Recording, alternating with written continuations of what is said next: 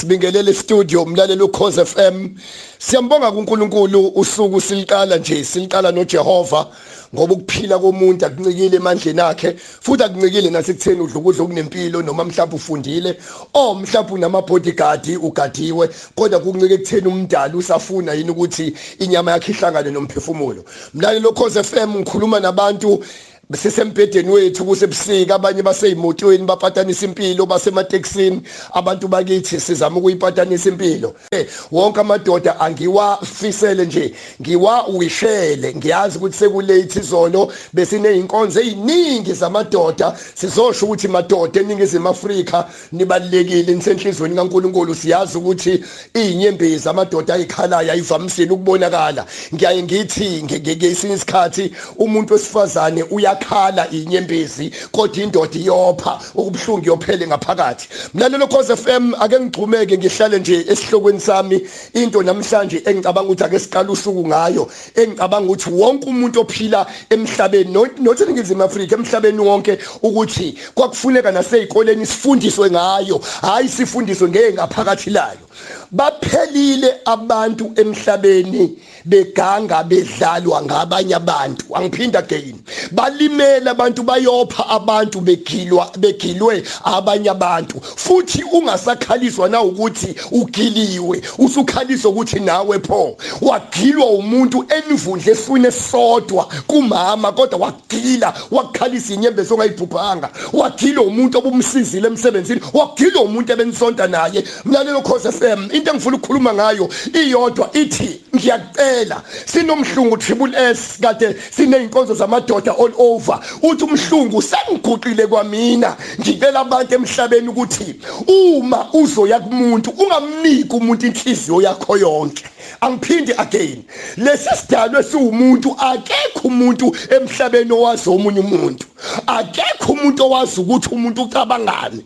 Lento ibonayo mina lo cause FM ngazi ngizoyibeka kanjani letho uma wakha ukazi umbone ubaba wakha ukazi umbone isithando sakhe ukwazi usibone ingane yakhe ukwazi uyibone. Kodwa ubona umzimba umuntu ucashe lapha phakathi. Umuntu uyakhaga kuhlekise kanti ngenhliziyo uthi fokofo lenja le umuntu ekubuke lokushini wehla ekubuka ngewindi inkulu umuntu into ayicabangayo ngawe. Wena ongayazi ukuthi uyayicabanga. Siyathandaza einkonzweni kukhona umuntu okubuka uphamisa izandla. Uyakubuka nje ukucabangela into nawe ungeke uphuphe ukucabangela into enjena usibani bani mlalelo cause FM noma usivula isifuba uze wazi umuntu akavulelwa isifuba sonke. Ngoba ngisaba ukuthi mhlanihilizisana noma nicabana uzongakhaliswa ukuthi saxabana nosibanibani sahlukana uyokhaliswa ukuthi waze wahamba nezimfihlo zami.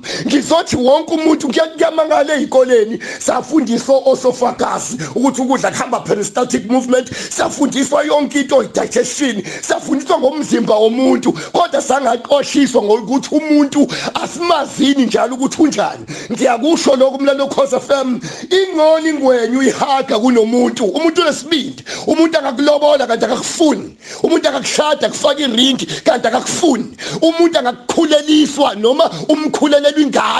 Kanti akakufuni. Umuntu ungathembeka kuyena wenze yonke into kanti akakufuni. Ngizothi njalo ngithini na? Ngithi ngiyacela ukuze sithi ukwehla ukuphoxeka nokushayeka.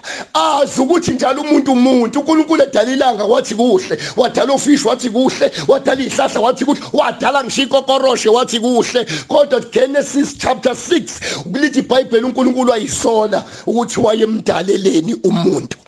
Angifuna ukulapha umuntu ogilo umuntu ukhilekile ushayekile. Uyayizwa inhliziyo yakhe iyopha. Uyeza ukuthi wazwangibulala usibanibani uze wazi njalo ukuthi umuntu umuntu isona sidalwa esenza usathana abamba umlomo. Athi hawu! Nami bengeke ngikwenze kunje umuntu uyokwenza usathane ekhe akheqa umlomo abambo ngezathi ucha nami usathane impela. Bengeke ngiyivukele ingane engizalwa nayo. Ngiyenze kanje?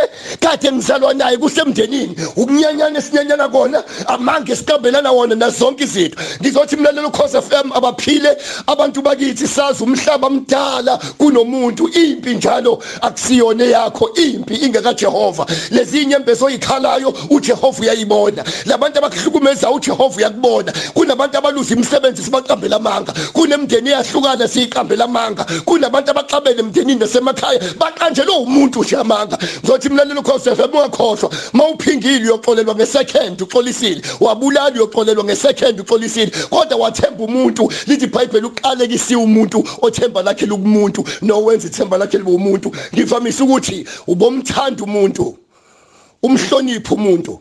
Kodwa ungamsabi futhi ungamethembi. Manifuna ukungi WhatsApp as WhatsApp aneke 078 419 1024 WhatsApp me 078 419 1024 abaphumeleleka abantu bakithi ngeke kuhlale kunje. When the devil puts a full stop God begins a new sentence. God bless you.